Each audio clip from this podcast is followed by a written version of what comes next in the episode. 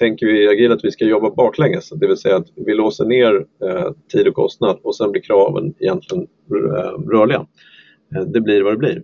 Den som pratar är Torbjörn Dahlström. Han och Nathalie Heisner kommer idag ge tips och tricks gällande att arbeta agilt.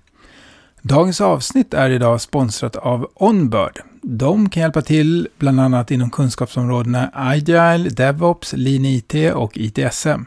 De har också ett grymt kunskapscenter med gratis dokumentation att ladda ner. Jag rekommenderar verkligen att ni besöker onbird.se kunskapscenter. Där kan ni ladda ner allting ni behöver. Stort tack till Onbird som sponsrar detta avsnitt. Det är nu dags att planera höstens avsnitt, så mejla gärna gällande vad ni tycker har varit bra och vad som kan förbättras med Projektledarpodden. Det är nu över 3000 lyssnare per månad, så jag hinner fortfarande svara på alla mejl som kommer. Stort tack för att ni hör av er och att ni lyssnar. Jag som har podden heter Mattias Eibe och nu kör vi! Du lyssnar på Projektledarpodden. En podd för dig som gillar att leda projekt och vill lära dig mer av andra om projektledning. Idag har vi med oss Nathalie och Torbjörn från Onbird. De kommer berätta om agilitet. Det kommer bli kanonbra. Välkomna! Ja, men tack så mycket. Tackar. Kan ni berätta kort om er bakgrund? Ja, eh, Torbjörn Dahlström heter jag, jobbar i det här bolaget som heter Onbird och eh, jag har jobbat som konsult i ganska många år. Eh, jobbar mycket med verksamhetsutveckling, förändringsledning eh, men har ett förflutet också som eh, linjechef och IT-chef eh, inom IT-organisationer. Nathalie Heisner heter jag, också från Onbird. Förflutet som eh, att jobba inom produktutveckling, eh, marknadsföring, blev nyfiken på projektledning och på agila metoder som vi använder väldigt mycket i produktutvecklingsteamet. Jag lärde mig mer om det helt enkelt, började jobba på Onbird och nu är det min vardag att konsulta inom projektledning och agila metoder i utbildningsformat och liksom vanliga konsultuppdrag. Och vi ska ju prata om agila metoder idag. Kan inte ni berätta lite grann hur det här har växt fram? Ja, men det där är en, en ganska eh, intressant fråga. Man kan ju titta på det kort och så kan man ju säga så här, ja men det var några killar som för lite drygt 20 år sedan samlades på något berg i Utah och så eh, hade de en get together och så eh, med tiden så trillade det ut någon slags eh, agilt manifest. Men jag tror att det är viktigt att man tittar lite på historiken här för man måste komma ihåg var man kom ifrån, när, hur liksom världen såg ut runt 2000 och var IT kom ifrån. Då. Och men innan, pratar vi 80-talet, då jobbade vi med stordatorer och det var liksom slutna system och det var ganska lätt att hantera för de hanterade inte så mycket eh, olika saker utan de var egentligen maskiner som var specialiserade på att utföra enstaka uppgifter väldigt snabbt. Då. Sen i slutet på 80-talet så kom ju de här plattformarna eh, som är programmeringsbara. Framförallt så är det ju operativsystem från Microsoft som skapar helt nya möjligheter att bygga nya system. Och då ökar komplexiteten då i de här olika systemlösningarna otroligt mycket och det blir eh, väldigt svårt att liksom eh, veta hur, hur, man ska få ihop saker och ting när det inte längre är integrerade, liksom, eh, avgränsade system utan de är sammankopplade. Och för de av er som är lika gamla som jag så kommer ni ihåg att det fanns något som hette millenniumbuggen som man skulle hantera som eh, innebar en, en total explosion uh, utav hur mycket pengar som företag plöjde in i IT. Och så lite grädde på moset på det där så var det ju naturligtvis internet, framväxten utav, utav det och att man helt plötsligt hade en helt annan nivå av att börja sammankoppla system. Eh, jag kommer ihåg när jag fortfarande var ansvarig för system så hade vi liksom tre uppdrag med systemet. Vi skulle sköta matchning, faktura och lön. Men med tiden skulle vi sköta inte bara matchning, faktura och lön utan det var integration med BI-lösningar, det var säljstöd, det var rapporter, det var analyser. Alltså det bara växte och växte och växte.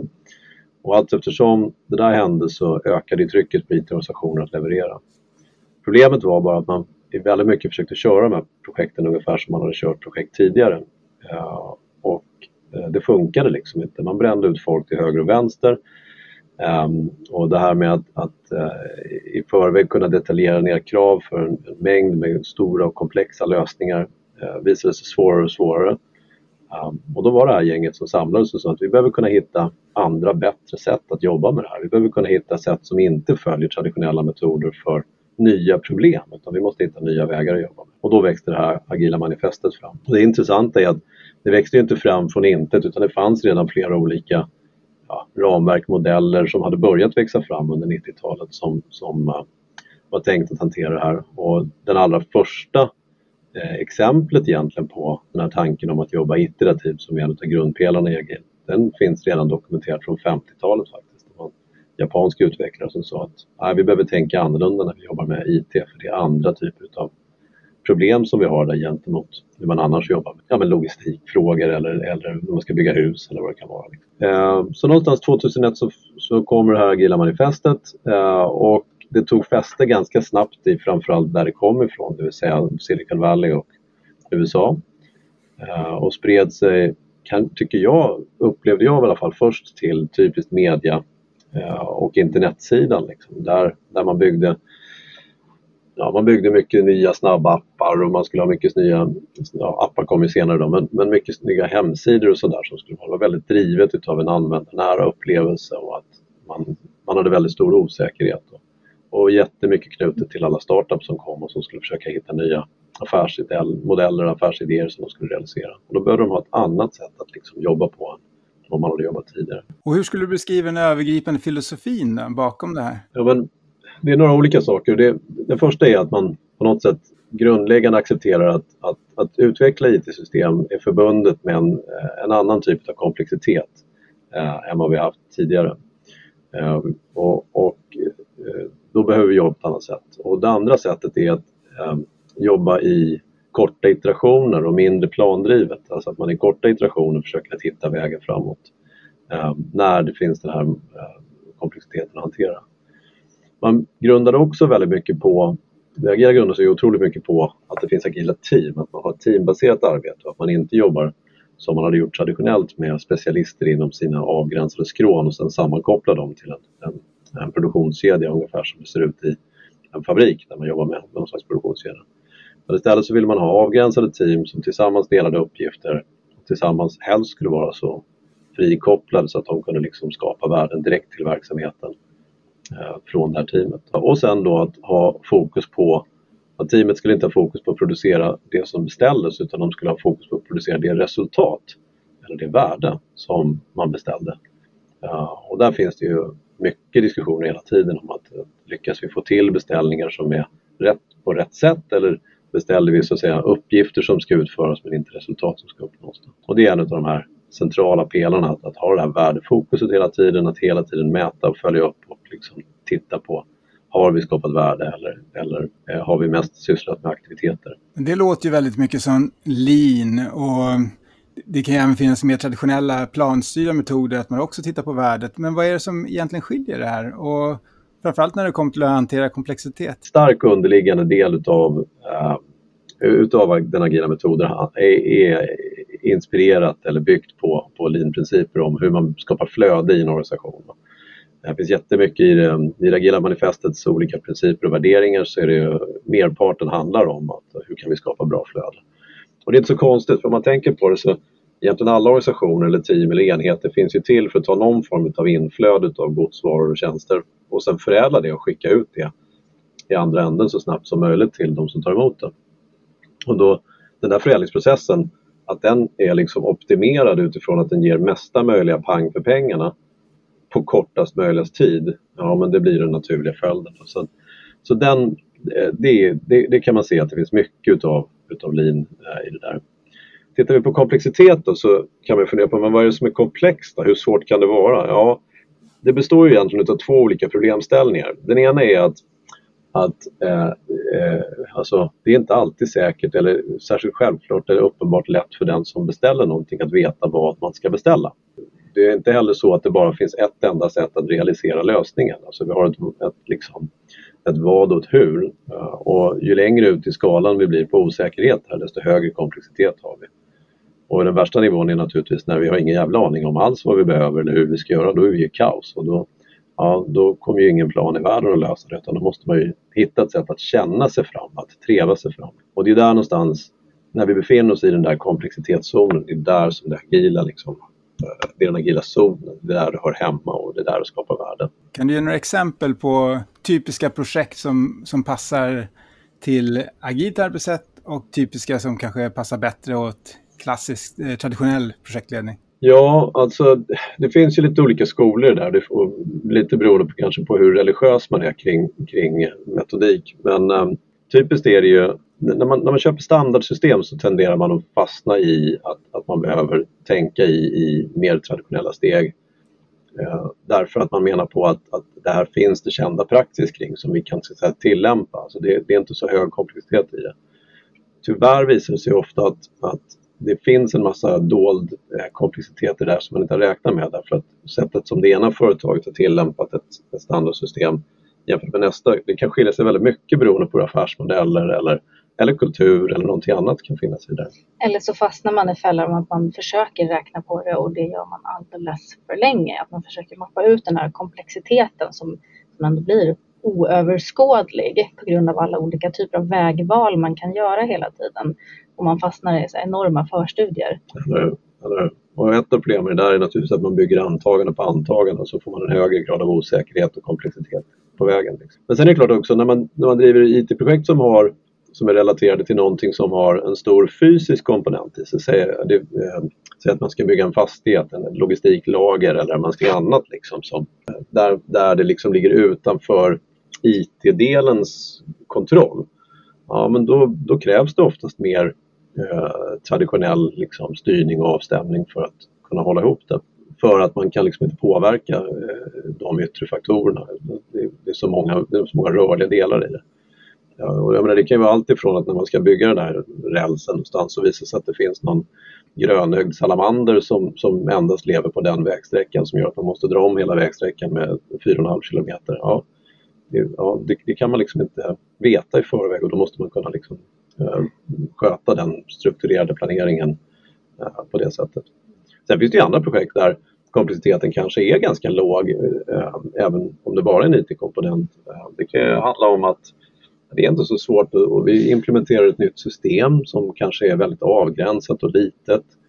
Har inte så hög komplexitet i sig utan det kanske Ja, jag, jag, vågar inte säga tidrapporterings eller tidplaneringssystem för det har varit mycket skriverier om det på den sista tiden. Men, men jag vet att eh, när jag satt som, som ansvarig för det här och vi ska implementera vårt tidrapporteringssystem eh, och det inte fanns någonting annat utan vi skötte all tidrapportering på papper. Ja, men då var det ganska låg komplexitet och vi kunde liksom sköta det där. Eh, det gick ganska fort och försvint liksom. Så, eh, och då funkade det de traditionella modellerna liksom alldeles utmärkt. Du pratade om eh, den gröna salamanden här och det blir en typ av feedback eller iteration.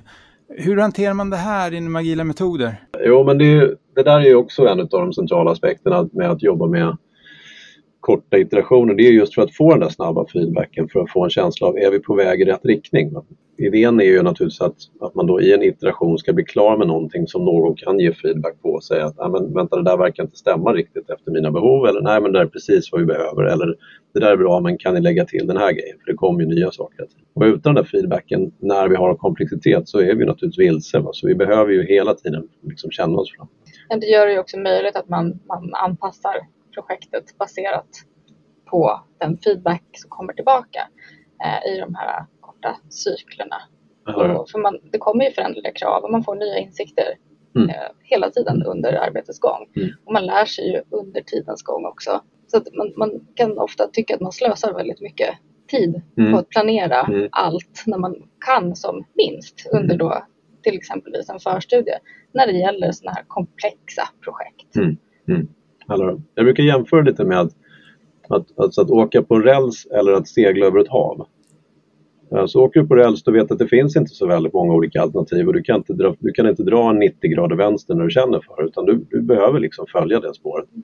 Medan om du åker från, säg, eh, Seychellerna till, till eh, Madagaskar, jag hoppas att det inte är en alldeles för lång resa, eh, ja, men då behöver man ju ta ut riktningen hela tiden och räkna med avdrift och sånt där och se vad som händer. Eh, hur mycket har vågorna gått, hur mycket har strömmarna gått, hur ligger vinden och så vidare. Så man hela tiden stämmer av att man är på väg i rätt riktning. Speciellt om man har begränsat med resurser på båten. Liksom. Då kan man inte liksom frisegla tills, tills, tills man råkar komma fram utan då behöver man hela tiden stämma av, är vi på väg i rätt riktning? Och det, det är samma typ av principer som vi tänker på i i de agila projekten, de agila metoderna. Och hur ska man då kunna övertyga en ledning som är van vid att vara på järnväg och kanske, det kanske blir försenat men det kommer alltid fram jämfört mm. med att vara på öppet hav och säga att jo men vi tror att vi kommer fram. Mm. Mm. Ja men den där är jättesvår. Uh, och speciellt om det kanske finns en kommersiell komponent i det, att du har eh, det ett annat företag som ska liksom leverera till det. Det vi förespråkar då i agila metoder det är att man på något sätt ska, ska skapa en acceptans för att det finns komplexitet och att därmed så eh, är det mer lönsamt och mer, mindre riskfyllt för oss att faktiskt treva oss fram snarare än att, att äh, lägga långsiktiga planer. Eh, det andra är ju att det är superviktigt att det kommer löpande eh, någonting för beställare att faktiskt utvärdera. Alltså det hela tiden kommer, det är den här feedbackloopen.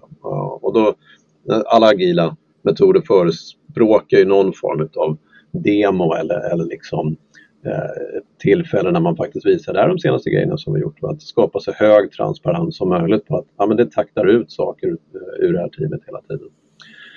Ehm, sen tror jag ju att man behöver prata om eh, för, att, menar, för att överta en företagsledning så det är jättemycket som man måste, göra, som man måste prata om då. Men, men en av dem är att titta på historiken. Hur framgångsrika har vi varit när vi försökte bedriva komplexa projekt? Alltså hur har det gått för oss då? Det är ju, googlar man på det där så får man ju upp en del siffror som ibland visar horribla liksom, resultat. Då. Och det finns ju eh, exempel på nyheterna med jämna mellanrum med, företag och organisationer som försöker implementera olika former av systemlösningar där det får precis motsatt effekt mot vad man önskar sig.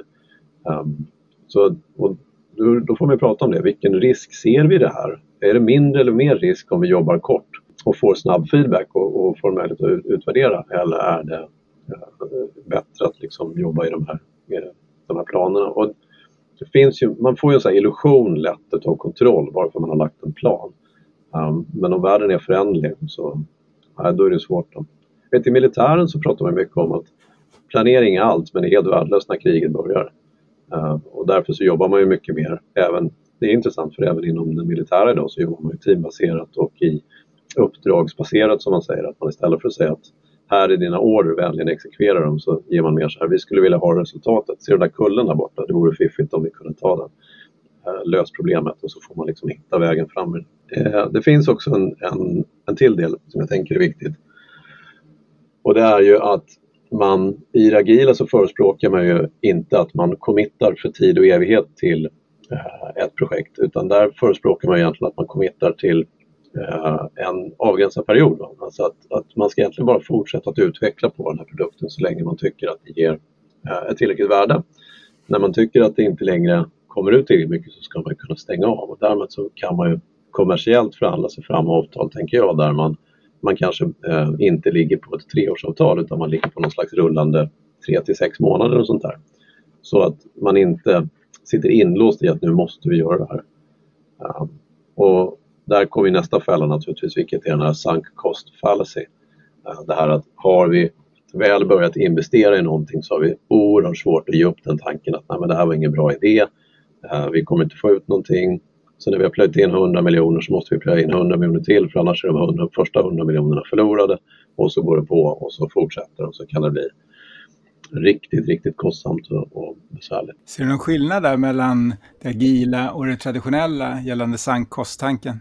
Egentligen så tror jag att det är mer en mänsklig problemställning. Att, att, eh, att, att, att um, man vill inte ge upp det man har påbörjat liksom, för då blir det arbetet förgäves. Men sen finns det naturligtvis utifrån hur man jobbar med budgetering och budgetplanering och sånt där. Det skapar också inlåsningseffekter där. Men nu, om jag inte gör det nu så kanske jag aldrig mer får pengar till det här. Eller, um, Eh, jag kan inte gå till styrelsen och säga att vi har plöjt in 100 miljoner i någonting som inte är klart och då, då måste jag gå vidare. Liksom. Jag vet att eh, det är många som känner igen det här problemet att man, man fastnar i att man måste göra klart saker och ting men som i slutändan inte visar sig vara lönsamt. Och det finns exempel som jag har hört hos kunder ibland där, där ja, men vi plöjde ner, det värsta tror jag var någon, någon organisation som har plöjt ner flera miljarder i en produkt som man aldrig ens fick mer än en enda kund till. Och sen sen la ner hela linan helt och hållet. Uh, och det är ett svårt beslut. Det krävs mycket mod för att fatta ett sådant beslut. Uh, men det företaget gjorde det och det har lönat sig bra för dem efteråt. Men en ledning då, som de ska starta någonting och så säger vi att vi ska driva det agilt och så frågar de men vad blir slutprislappen på det här? Du var inne på det här med budgeten. Här, här tänker vi lite annorlunda då. Att istället för att man eh, som den traditionella projekttriangeln föreskriver att man på något sätt först låser ner alla krav och sen estimerar hur lång tid och vilken kostnad det kommer vara för att ta fram det här.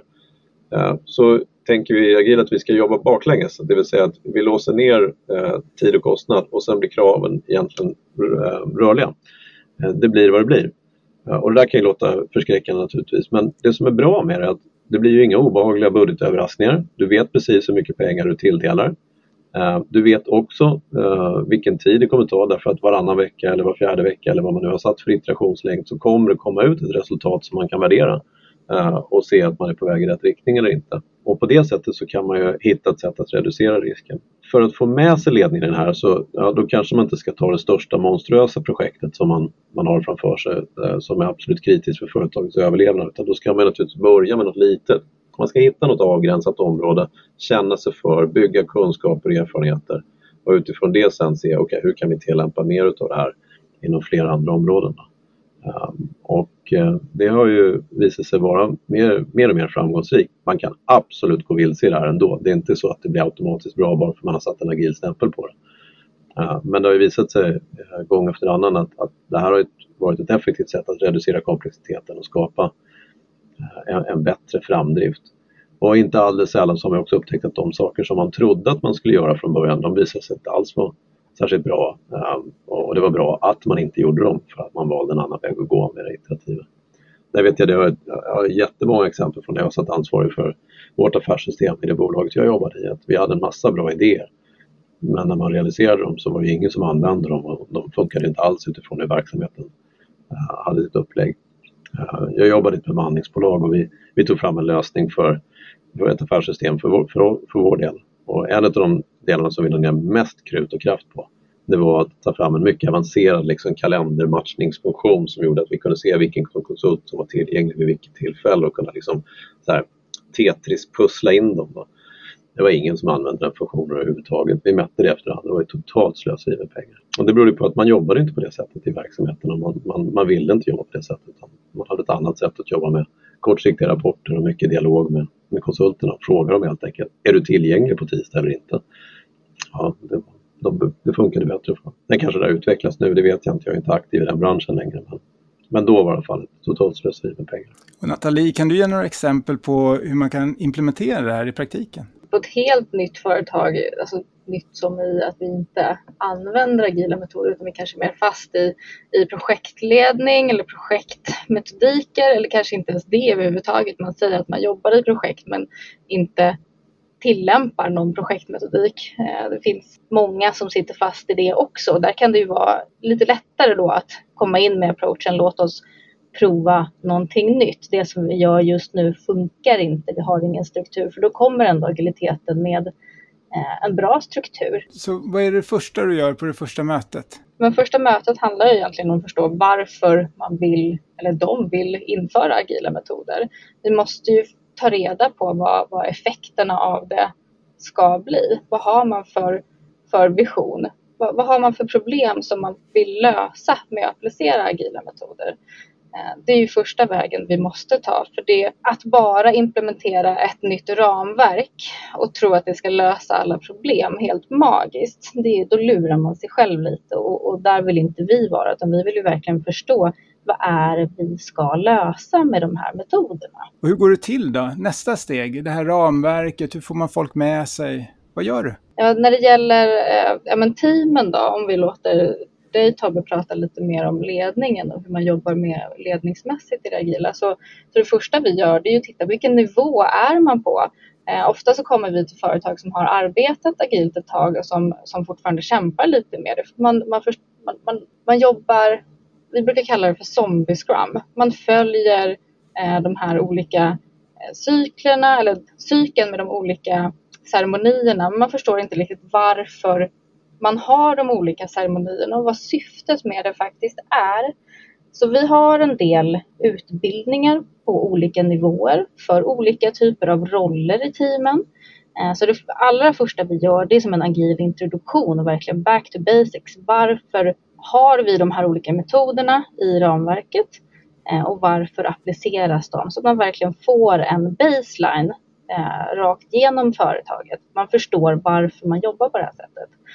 Och sen så då har vi Scrum Master-utbildningar, vi har produktägarutbildningar och vi har också eh, olika typer av ledarskapsutbildningar. För vi stöter ju också på mellanchefer som undrar vart ska de ta vägen någonstans i det här?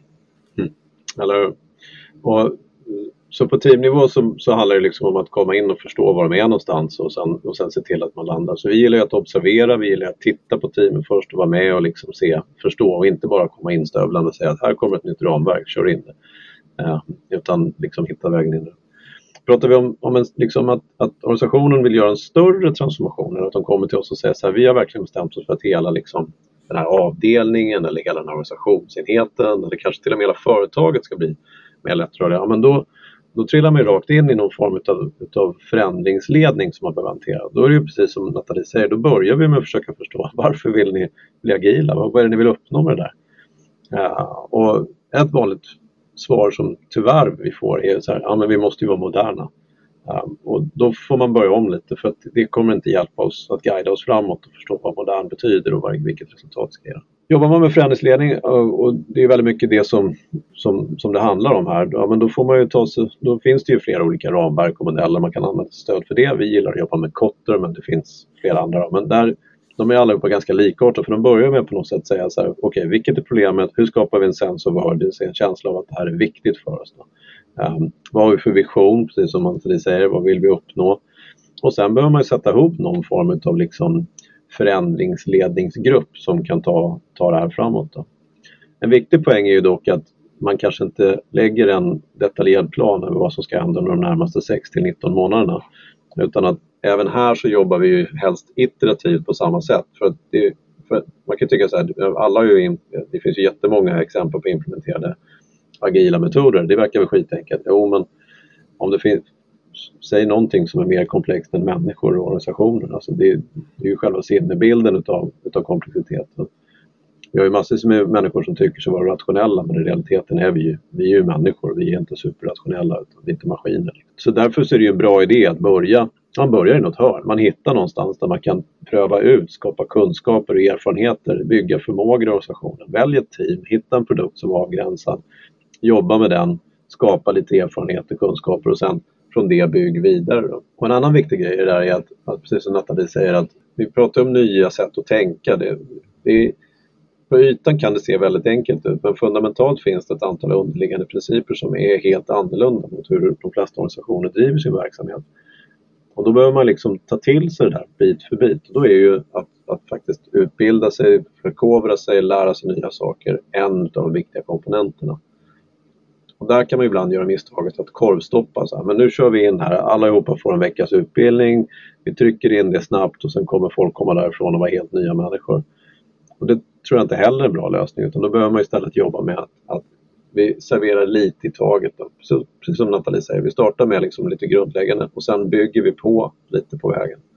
Och kring det brukar det vara vettigt att göra någon form av grovskissad eh, liksom utbildningsplan, alltså vilka, vilka, vilka eh, är mottagarna av den här kompetensen, vilka behöver få den i organisationen, vad är det de behöver lära sig, hur taktar vi liksom ledarskapet med teamen så vi inte får att teamen är superagila men ledarna står kvar eh, och, och liksom följer traditionella styr, styrstrukturer som inte funkar kring det här eh, eller vice versa. Det där måste liksom gå jämnt. Och centralt för att vara framgångsrik i en, i en transformation är att lägga mycket krut på de här nyckelrollerna som finns i alla agila modeller.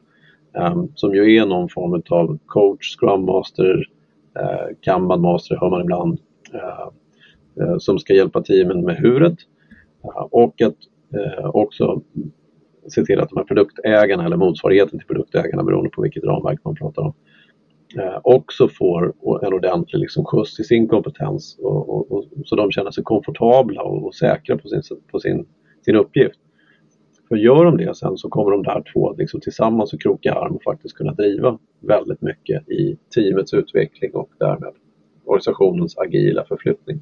Man bör ha någon form av vision, liksom idé vart man vill. Man kan inte bara skrämma upp folk och säga att allting funkar dåligt. Um, för då får man ingen riktad energi utan då får man bara liksom eh, massa puffar som springer i olika riktningar. Um, och det är, det är vettigt att göra någon form av grovskissad roadmap liksom. Ungefär de här grejerna tror vi att vi behöver göra. Vi, vi, vi tror inte att vi vet exakt när det kommer hända men vi har en idé om ungefärligen vilka saker vi behöver. Och så hela tiden komma tillbaka till att utvärdera. Vad behöver vi, vad vi behöver förändra det här? Vad behöver vi utveckla och anpassa så att det liksom passar de förutsättningar som vi faktiskt befinner oss i just nu. Och förändringsledningen har ju Eh, de som sitter i en sån, eh, en sån konstellation och tittar på den här förändringen har en jätteviktig roll i att kolla taktar vi mot de målen som vi satte upp. Eh, och då satte vi ofta upp då, tillsammans med, med ledning det här varför gör vi det här? Att vi tittar på varför vill vi applicera de här agila metoderna och att vi då har ett antal liksom, styrmedel då sätter upp så att man hela tiden också kan titta och följa, är vi på väg åt rätt håll mm. med den här äh, agila transformationen då, som vi gör. Ja, men superviktigt. Och, och det här är en sån där klassisk fälla i förändringsledning, att man, med tiden glömmer man bort varföret och så mm. blir det istället liksom görandet, förändringen som blir målet. Och så har ju många agila transformationer tyvärr liksom buklandat därför att de har, de har glömt bort det där. Um, och, och, så blir det, ja, men vi har ju sagt att vi ska göra det här och fattar inte allihopa varför vi gör det här. Nej, men alltså, det här måste man ju repetera tusen gånger. Liksom. Och när man själv tycker att man har tjatat hål i huvudet på budskapet om varför, ja, då har man bara precis börjat skrapa på ytan. Liksom.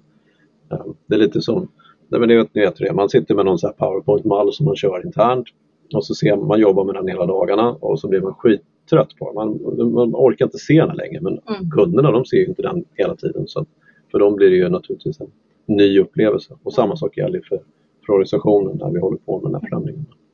Det är nästan, det, jag personligen tycker att det är extra viktigt att hela tiden påminna om varför och liksom varför vi gör olika saker. Varför har vi retro? Och hamra in det också.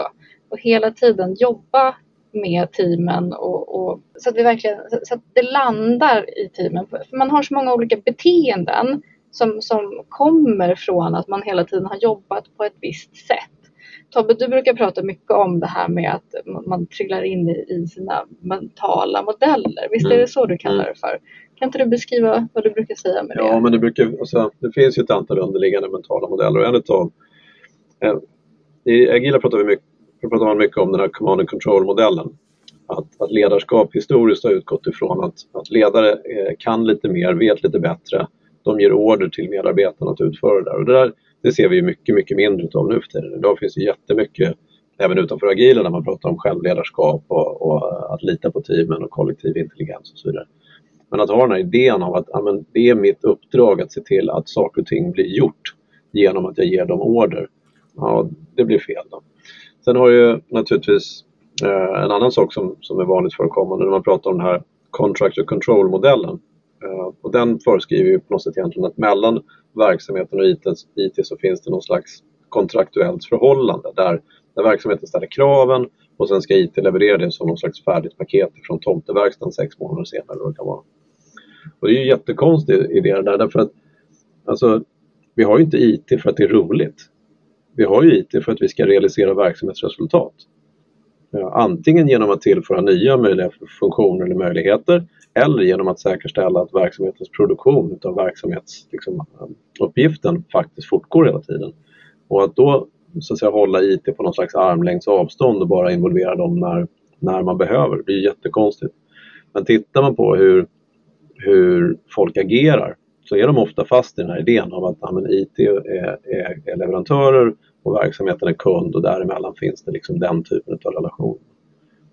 Och, och ännu värre det där blir ju när man på något sätt börjar tänka sig att men IT de är inte riktigt som vi. De har lite liksom andra ambitioner eller andra målsättningar och, och andra värderingar. Nej, men det har de inte alls. Det. De, är ju, de jobbar ju i samma organisation. Det är klart att de måste ha samma värderingar och ambitioner och samma målsättningar som, som verksamheten är stort. Man kan ju inte titta på på något annat sätt. Och jag tror det värsta exemplet på det där det är att när man då börjar mäta liksom, IT mäts bara på Eh, dess kostnad. Eh, och om man kanske till och med sätter upp någon sån här IT får inte kosta mer än 25% av företagets omsättning eller eh, vad det kan vara. Ja, det är kanske mycket 25% men ni förstår vad jag menar. Och, och, så värderar man inte alls IT utifrån att de affärsresultat man vill man uppnår faktiskt uppnås utan det blir bara liksom kostnadsbilden som är drivande.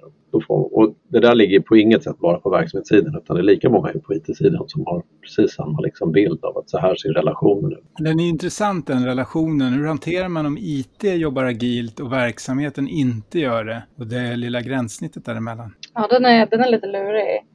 Uh, ofta så, så, när jag är ute så, så ser jag att man faller i fällan och att verksamheten vill skriva och be om alla kraven och få allt, en färdig produkt en stor smäll på en gång helst. Eh, så det, det, kan vara svårt att övertala eh, kravställarna ute i verksamheten att, att, att egentligen att få dem att förstå att men jag kommer komma och be dig om vad är viktigast just nu? Om vi ska ha en leverans om en månad, vad, vad är det ni behöver nu? Och jag lovar kära beställare, kravställare, verksamhet att i nästa planering så kommer du få någonting att säga, säga om igen. Du kommer få lägga till fler saker i våran eh, kravmängd. Eh, den, den, är, den är jättelurig faktiskt och tar en stund för dem att förstå. Eh, men det gäller att, att stå på sig och vara envis där. För som projektledare så hamnar man i, i den agila världen så, så, tar man ofta rollen som en Scrum Master slash eh, produktägare Eh, så har man någon form av projektagil hybrid så, så är det bara att sätta på sig den här produktägarhatten och gå ut och samla kraven. Ehm, och då att få verksamheten att förstå ehm, det här med att vi tar, vi tar en kaka i taget. Mm. mm. Och agila modeller föreskriver ju den här rollen produktägare. Um, och, um, ibland får vi frågan så här, men var hör egentligen en produktägare ägare hemma? Är det, är det en IT-roll eller är det en verksamhetsroll? Och svaret på den frågan är ja. Den är liksom inte det ena eller det andra utan det här är ju bryggan mellan verksamhet och, och liksom IT. Det här är ju liksom den som ska hålla ihop det och så ta bort, riva de här gamla modellerna utav, utav äh, att, att IT är någon slags leverantör till, till kunden. Eh, för man, har, man, man ska ha samma mål och samma, samma med, liksom, eh, målsättningar och, man ska mätas på samma resultat om det ska bli eh, i någon slags idealtillstånd. Men sen finns det andra aspekter också att tänka på. Det är att om man nu har en IT-organisation som helt plötsligt börjar jobba i iterationer om två veckor och det liksom taktar ut små saker hela tiden. Och du har en verksamhet som jobbar med verksamhetsplanarbete som är på årsbasis eller kanske längre ja, då får du en otakt. Va? Du får ju, man, man pratar mycket i agila metoder om kadens, alltså rytmen för hur man gör saker och ting. Så då får du helt plötsligt en svår situation när, när eh, så att säga, verksamheten förväntar sig eh, detaljerade årsplaner från, från IT. Men IT jobbar i två veckors cykler. Eller liksom annat motsvarande. Men vi kan inte fatta ett beslut i den här frågan för nästa verksamhetsmöte som kommer att ske den 23 eh, oktober eller vad det kan vara. Liksom. Ja, men vi behöver ju få ett svar nu för att komma vidare för att annars kommer inte vi kunna bli klara. Liksom. Så, att, så det handlar om att tajta till det. Då. Eh, och jag sitter faktiskt i ett projekt just nu som, där, där en organisation håller på att testa ut att jobba mycket mer eh, lättrörligt och, eller agilt i en avgränsad mängd. Och vi gjorde en, en, en liten retro, en, en sån här reflektionsrunda med, med styrgruppen efter att vi hade kört några några vi och frågat vad upplever ni som styrgrupp nu när vi jobbar på det här sättet? För det finns ingen kravlista, det finns ingen, eh, ingen detaljerad tidplan utan det finns en mycket grövre liksom, ramar som vi utgår från. Men det finns också feedback varannan vecka. Uh, och då reflekterar ju styrgruppen över att ja, alltså det här känns faktiskt bra, vi är jättenöjda, det känns skönt, det kommer mycket ur det här, vi, vi är superglada. Men oj vad mycket mer tid vi måste lägga eh, eh, och då frågar jag så här, men är det mycket mer tid liksom i total tid? Nej, men det är oftare. Så det, det är kortare möten, men de sker oftare och det betyder att du får en ökat så att säga, tempo på det sättet. Och det var en otroligt viktig insikt för honom. att, att eh, vi, det räcker inte att vi som styrgrupp dimper in en timme i månaden för ett styrgruppsmöte och fattar alla beslut utan vi behöver faktiskt vara mer närvarande i det här för att hela tiden veta att vi får den feedback och den den möjligheten som vi behöver att säga ja eller nej eller höger eller vänster eller vad det kan vara. Så det är också en viktig aspekt. Man måste jobba med de här rytmerna i, i, på verksamhetssidan och på IT-sidan. Ledningsgrupper gillar ju ofta att mäta saker. Och hur, hur mäter man då framgång i, i det agila och hur mäter man att vi verkligen gör maximalt? Ja, men då, vi, då trillar vi tillbaka lite till det här som vi pratade om tidigare att, att eh, historiskt har man oftast bara mätt på kostnad och inte så mycket på värderesultat. Och det där är, lite intressant därför att när man frågar eh, när, när det kommer ett krav från, den, från, från, eller ett behov från, från en verksamhetssida och så säger de så här, vi behöver det här.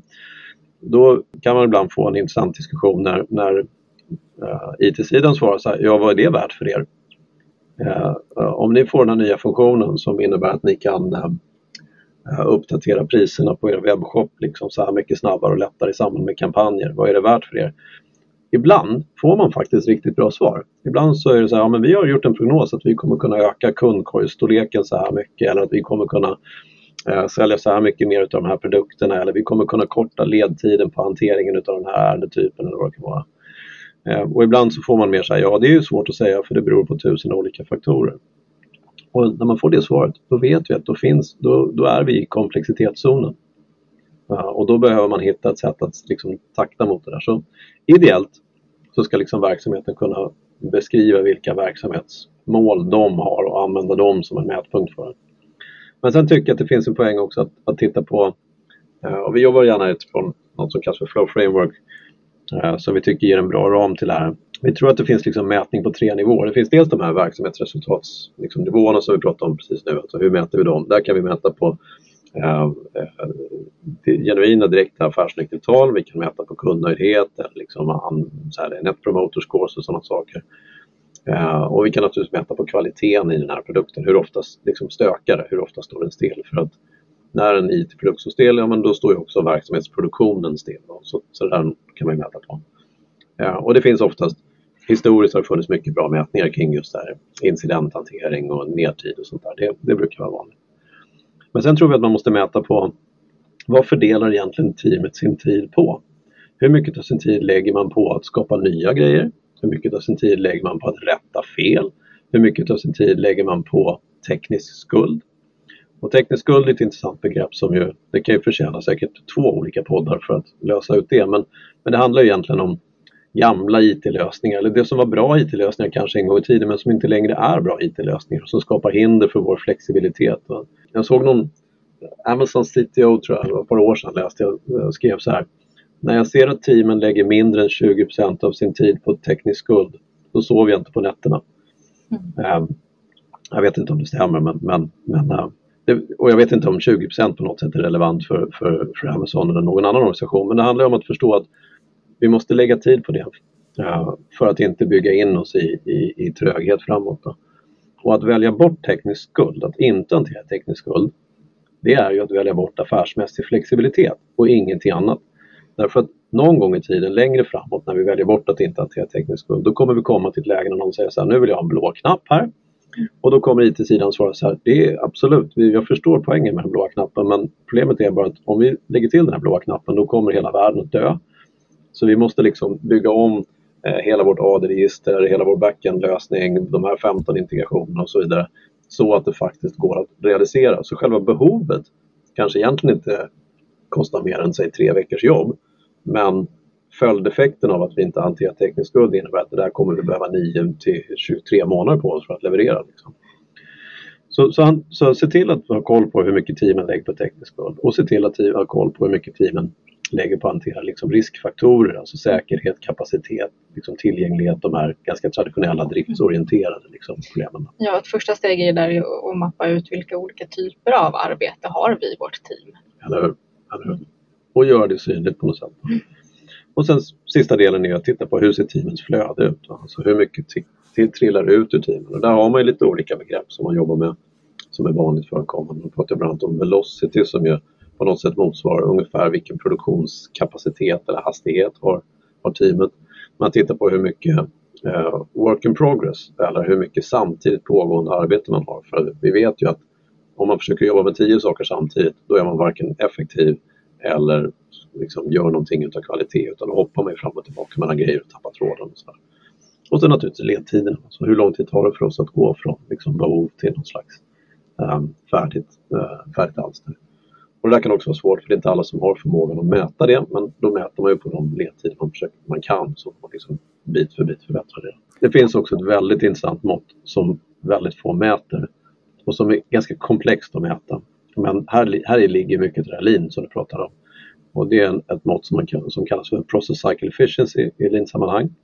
Och det är egentligen skillnaden mellan nedlagd arbetstid kontra förfluten eh, kalendertid. Och exemplet är så här, det tog oss bara eh, fyra timmar att göra själv, skriva själva koden, checka in den och produktionssätta den.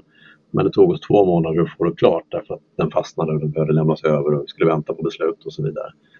Uh, och då kan man ju se att, att, att uh, när man gör den här mätningen då brukar man ju trilla ut i ganska tråkiga siffror. Det brukar visa sig att man ligger på mindre än 5% effektivitet.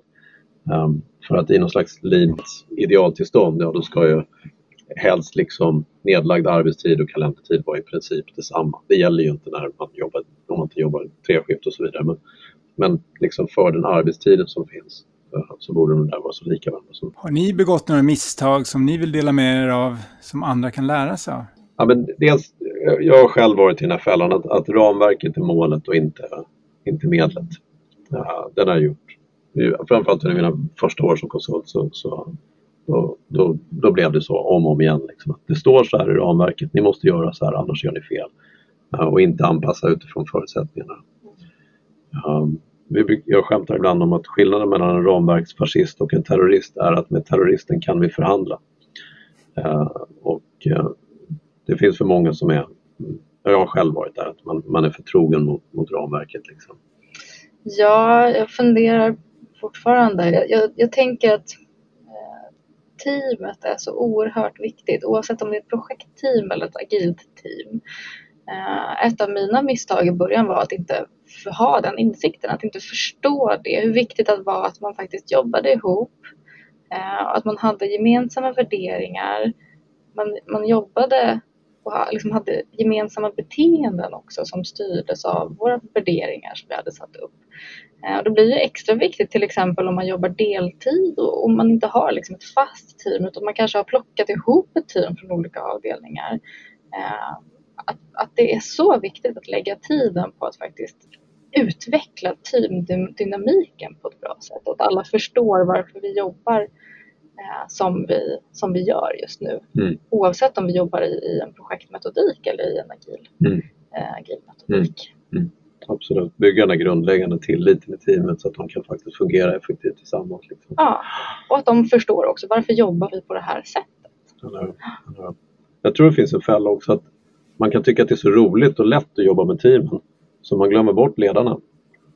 Uh, för, det är där, för det är teamen som på något sätt det är de som jobbar med det värdeskapande arbetet, det som kommer ut till verksamheten att användas. Och, och ledarnas jobb är ju att, så att säga, skapa förutsättningen för, för teamen inte att, så att säga, göra jobbet. Då. Och då är det så lätt att glömma bort dem och inte fokusera på dem. Mm. Det har vi också tycker jag blivit mycket bättre på. Att, i, i, våra, liksom, I våra transformationer som vi har hjälpt till att driva och i, i de liksom, kompetenspaket och så vidare som vi tagit fram att se till att vi taktar både mot, mot, verksamhet, alltså mot ledarna och mot verksamheten och mot teamet. Att liksom, de där tre någonstans måste mm.